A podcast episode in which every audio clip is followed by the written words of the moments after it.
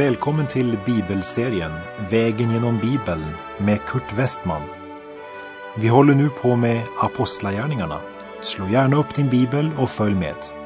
Programmet är producerat av Norea Radio.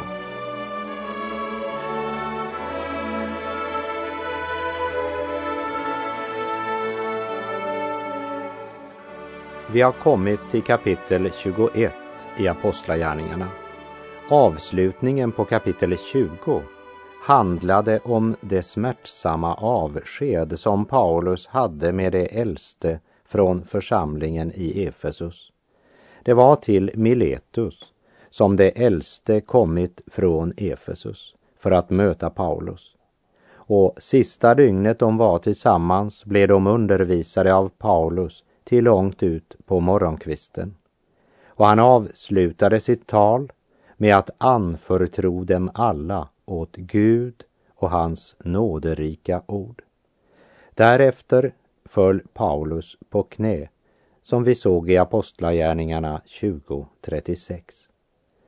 Det sista vi läste om martyren Stefanus var att han föll på knä och bad Gud förlåta dem som stenade honom. Apostlagärningarna 7.60. På knä, i den ställningen dog Stefanus. I Apostlagärningarna 9.40, när Petrus kommer till Joppe, där Tabita låg död, så står det Petrus sade åt alla att gå ut och föll sedan på knä och bad. I Efeserbrevets tredje kapitel ber Paulus församlingen att inte tappa modet på grund av Paulus lidanden. Och så säger han att han lider för deras skull och att hans lidanden är deras härlighet. Och, säger han, därför vill jag falla på knä inför Fadern. Och som vi minns från slutet av Apostlagärningarna 20, efter att Paulus avslutat sitt tal till de äldste från Efesus och alla de andra som var församlade i Miletus, så föll han på knä och bad tillsammans med dem alla. I de första åren efter Jesu uppståndelse och Andens utgjutande så var det vanligt att böja knä när man bad till Gud. Och Paulus föll på knä också när han sista gången ber tillsammans med de äldste från församlingen i Efesus.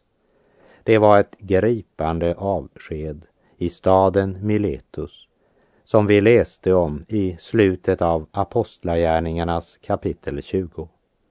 Och Apostlagärningarna kapitel 21 börjar med orden när vi hade skilts från dem. I norsk bibel är det översatt när vi hade rivit oss lös ifrån dem och seglat vidare. Ja, det var en svår avskedsstund både för Paulus som visste att han aldrig skulle se dem igen här i livet och för församlingen som visste att det var sista gången de såg sin herde och apostel. För hans steg gick nu mot Jerusalem och mot länkar och lidande. Apostlagärningarna 21, vers 1 till och med 3. När vi hade skilts från dem och lagt ut seglade vi raka vägen till Rhodos och därifrån till Patara. Där fann vi ett skepp som skulle till Fenikien och vi seglade vidare med det. Vi siktade Cypern, passerade söder om ön med kurs mot Syrien och kom till Tyrus, där lasten skulle lossas. De siktade Cypern, det vill säga de var så pass nära att de kunde se Cypern, men de reser inte dit eftersom Gud hade sänt två andra till Cypern med evangeliets budskap, nämligen Barnabas och Johannes Markus. Från Miletus hade de seglat via Rhodos till Patara. Där bytte de båt och seglade vidare via Cypern tills de kommer till Tyrus, där deras skepp skulle lossa sin last. Och den som är kallad av Gud använder inte väntetiden till tidsfördriv, utan uppsöker trossyskonen på platsen. Och vi läser vers 4. Vi sökte upp lärjungarna och stannade hos dem en vecka. På Andens ingivelse varnade det Paulus för att fara vidare till Jerusalem. När det står att det på Andens ingivelse varnade Paulus så betyder det att Paulus fick uppenbarat av Guds ande att det väntade honom lidande och svårigheter i Jerusalem. Men anden försöker inte hindra honom, men däremot förbereda honom. Så budskapet betyder inte att han inte borde resa dit. Det ville vara att missbruka denna vers. Att säga något sånt. För Paulus befinner sig i den paradoxala dubbelställningen att Guds ande uppenbarar och varnar om vad som väntar honom samtidigt som han av anden är bunden att dra till Jerusalem. I Miletus hade Paulus sagt, Apostlagärningarna 2022, nu känner jag mig tvingad att resa till Jerusalem utan att veta vad som ska möta mig där. Den eh, engelska King James översättning och även den norska och den danska översättningen säger Nu drar jag till Jerusalem bunden av anden. Låt oss komma ihåg att Paulus och hans följeslagare har med sig en stor penninggåva till de nödlidande kristna i Jerusalem. Och denna gåva önskar Paulus själv överräcka till dem eftersom han tidigare hade förföljt dessa bröder och systrar och var delvis ansvarig för den nöd som de kristna i Jerusalem befann sig i nu Därför önskar han inte sända en representant, men själv överräcka detta stöd. Han önskar resa till Jerusalem. Men anden uppenbarar vad denna gärning kommer att kosta honom. Jesus döljer inte korset för sina tjänare och han driver inte falsk reklam och lovar guld och gröna skogar åt sina efterföljare. I Markus 8.34 står det Sedan kallade han till sig både lärjungarna och folket och sade Om någon vill gå i mina spår måste han förneka sig själv och ta sitt kors och följa mig och i Lukas 14.27. Den som inte bär sitt kors och följer efter mig kan inte vara min lärjunge. Och i Filipperbrevet kapitel 1, vers 12 säger Paulus Nu vill jag att ni ska veta, bröder, att det som hänt mig snarare har lett till framgång för evangeliet. Och du kanske också kommer ihåg att när Herren uppenbarade sig för Ananias och bad honom gå till Paulus efter hans omvändelse, så sa Gud till Ananias i Apostlagärningarna 9. Gå, honom har jag utvalt till mitt redskap. Han ska föra ut mitt namn till hedningar och kungar och Israels folk. Och jag ska låta honom veta hur mycket han måste lida för mitt namns skull. Intill denna stund har Paulus inte stått fram inför kungar och regenter. Men vi vet att det är Guds plan att han ska göra det. Han ska avge sitt vittnesbörd inför kung Agrippa. Och han nådde också de som arbetade i Caesars hov. Det vet vi från den hälsning som Paulus ger i Filipperbrevet 4.22. Alla de heliga hälsar er, särskilt de som arbetar vid kejsarens hov. Och det skrev han medan han var i fängelse i Rom. Det blir eh, hävdat att den starkaste driften hos människan är självbevarelsedriften.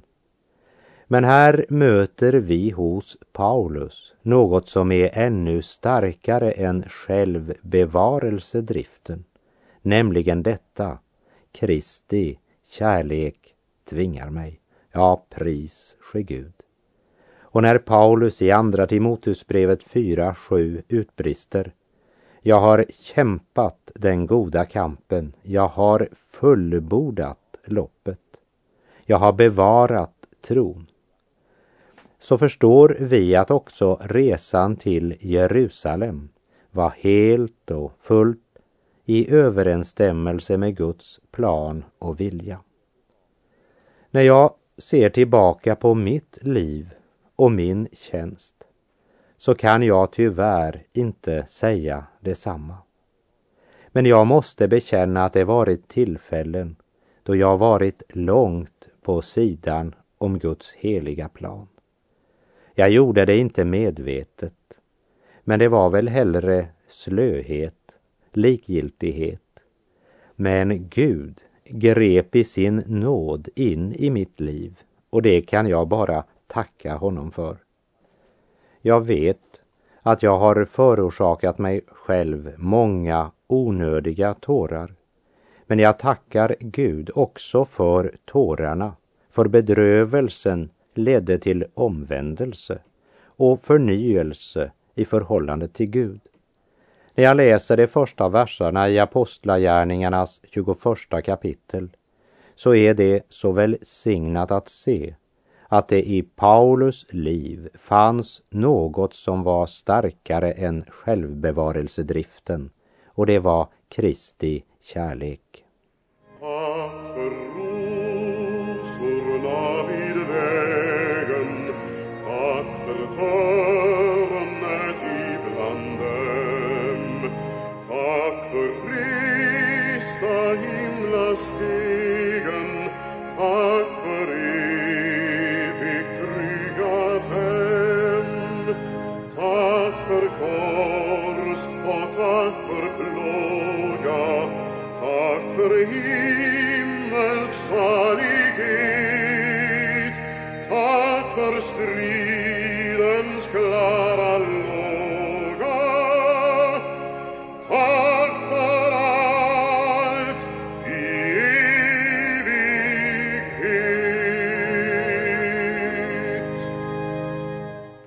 Apostlagärningarna 21, vers 5.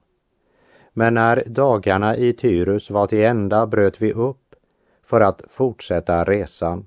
Alla, också kvinnor och barn, följde oss ut ur staden. Vi knäböjde på stranden och bad. I vers 5 lägger vi speciellt märke till att det inte bara var kvinnor och män som samlades, men eh, också barn.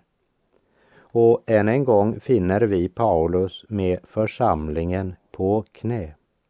Det var i den ställningen han vann sina största segrar. Jag ber ofta när jag kör bil eller reser med tåg eller flyg. Och man kan be medan man diskar och när man är ute och går. Men det är välsignat när man träder inför den allsmäktige Gud att få böja sina knän. Därför böjer jag gärna knä när jag ber till Gud i min lönnkammare. Och jag gläder mig var gång jag får uppleva ett bönemöte på knä i någon församling. Och vers 6. Sedan tog vi farväl med varandra. Vi steg ombord medan de andra gick hem till sitt igen. Från Tyrus kom vi till Ptolemais där vår sjöresa slutade. Vi hälsade på bröderna och stannade hos dem en dag. Här blev det endast ett kort besök innan resan går vidare till Caesarea, där evangelisten Filippus och hans familj bodde. Paulus och hans följeslagare uppsöker Filippus, han som var en av de sju diakoner som församlingen i Jerusalem utvalt till tjänst. Och hos honom stannar Paulus en tid. Vart han än kom så mötte han alltid några troende. Och det ska du veta, min vän. Hur mörkt det än ser ut så må du inte låta dig gripas av Elia-komplex och tro att du snart står helt ensam. För Herren har i var tid sina sju tusen som inte böjt knä för bal. Och där jag färdas runt både i Norden, i Europa, Amerika eller Mellersta Östern så inspireras jag av att möta dessa trossyskon. Min vän, det finns både här och där varma, brinnande bröder och systrar och församlingar som håller sig till ordet. Det finns många varma troende hem och många underbara bröder och systrar. Och Paulus fick på sin väg till Jerusalem möta många sådana.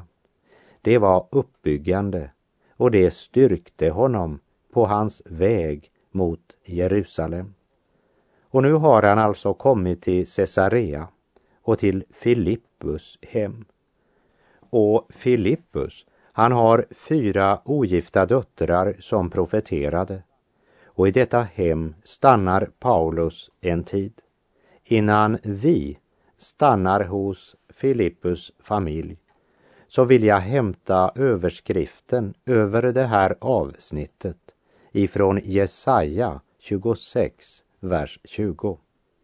Nå väl då, mitt folk. Gå in i dina kamrar och stäng igen dörrarna om dig. Göm dig för ett litet ögonblick.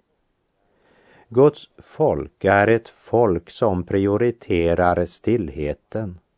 I lönnkammarens stillhet laddas trons batterier. Och de stora händelser i Guds rike förberedes ofta i det fördolda, i stillhet, bakom en stängd dörr. Och här i Caesarea, i Filippus hem, får också Paulus en märklig upplevelse under detta annorlunda möte i Caesarea. För det var en ganska annorlunda situation för Paulus och hans medhjälpare i förhållande till tidigare missionsresor.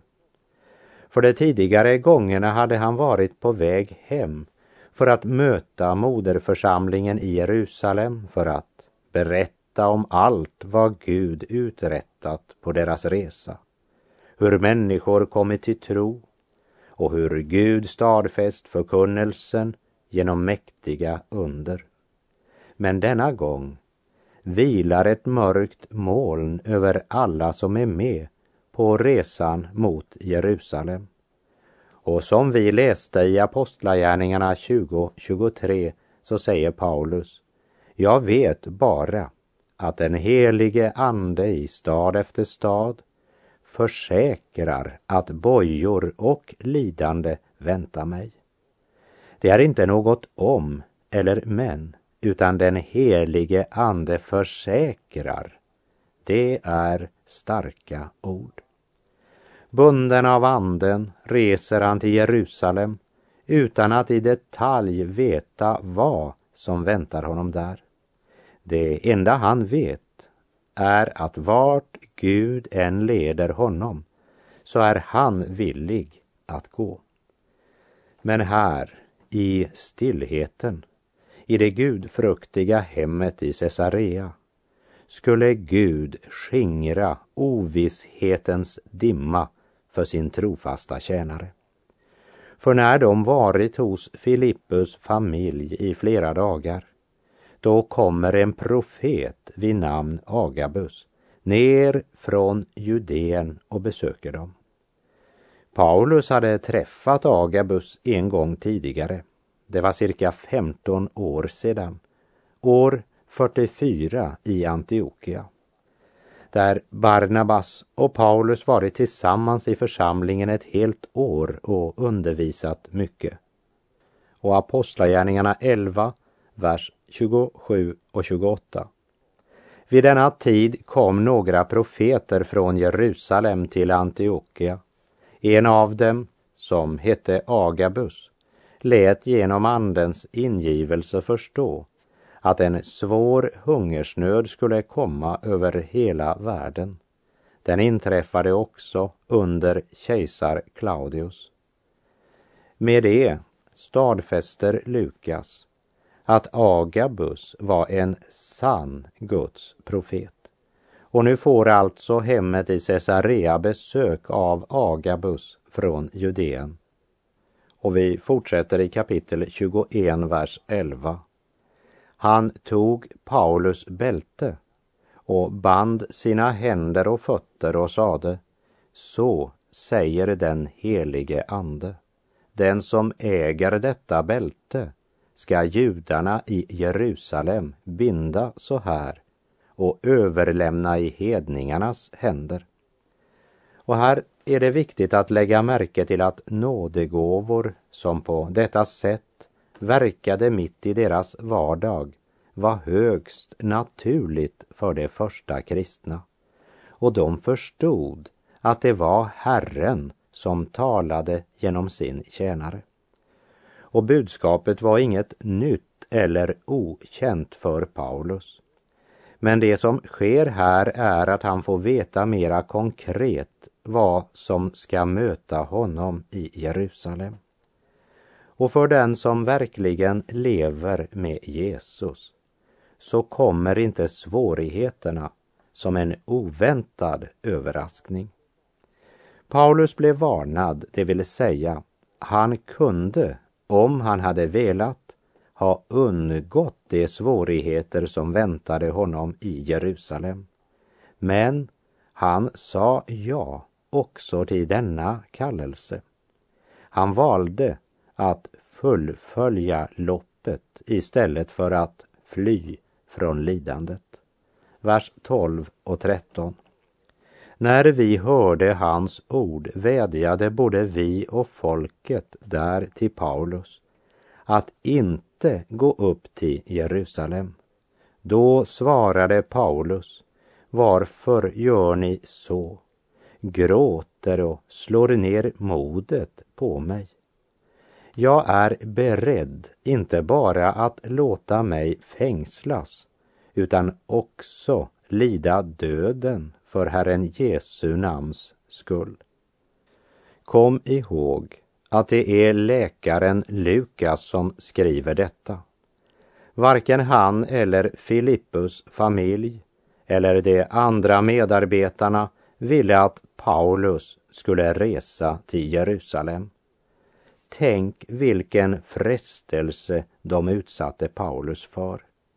Filippus, en av de sju som blivit utvald av församlingen i Jerusalem och som tjänat Gud på ett mäktigt sätt. Och så hans fyra döttrar som hade profetisk gåva.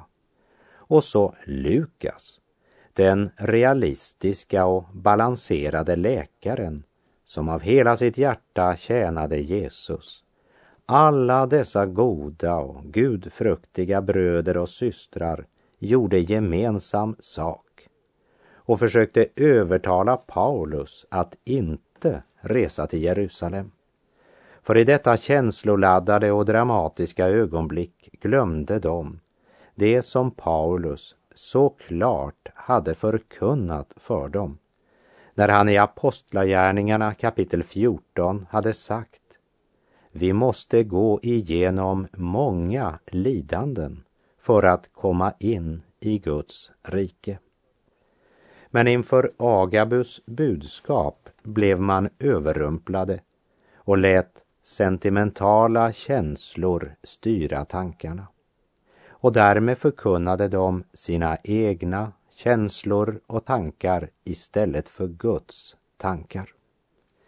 Även Petrus hade en gång försökt hindra Jesus att gå upp till Jerusalem. När Jesus hade berättat för lärjungarna att han måste lida mycket och bli förkastad av äldste och överste präster och skriftlärda och bli dödad och uppstå efter tre dagar. Men då tar Petrus Jesus avsides och börjar förebrå honom och säga Må Gud bevara dig, Herre. Något sådant ska aldrig hända dig. Så står det i Markus 8.33. Men Jesus vände sig om och när han såg lärjungarna tillrättavisade han Petrus. Håll dig på din plats, Satan. Dina tankar är inte Guds utan människors. I den norska bibeln står det Du har ingen sans för det som Gud vill, bara för det som människor vill. När vännerna vill hindra Paulus att gå den väg som Gud vill, så säger han Varför försöker ni göra mig modlös? Jag är beredd att inte bara låta mig fängslas, utan också lida döden för vår Herre Jesu namns skull. Och vers 14. När han inte lät övertala sig lugnade vi oss och sa, må Herrens vilja ske.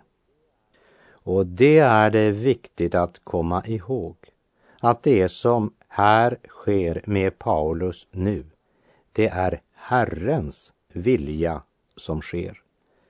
När Paulus satt i fängelse med Silas och de prisade Gud med sång och tacksägelse och fängelsemurarna rasade, så var det Guds vilja som skedde.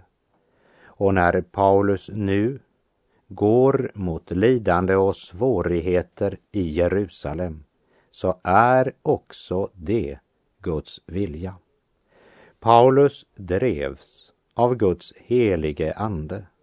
Han sökte inte egen vinning eller jordisk rikedom. Så egentligen kan det också sägas om Paulus, det som blev sagt om Mose i Hebreerbrevets elfte kapitel. Han ville hellre lida tillsammans med Guds folk än för en kort tid njuta av synden.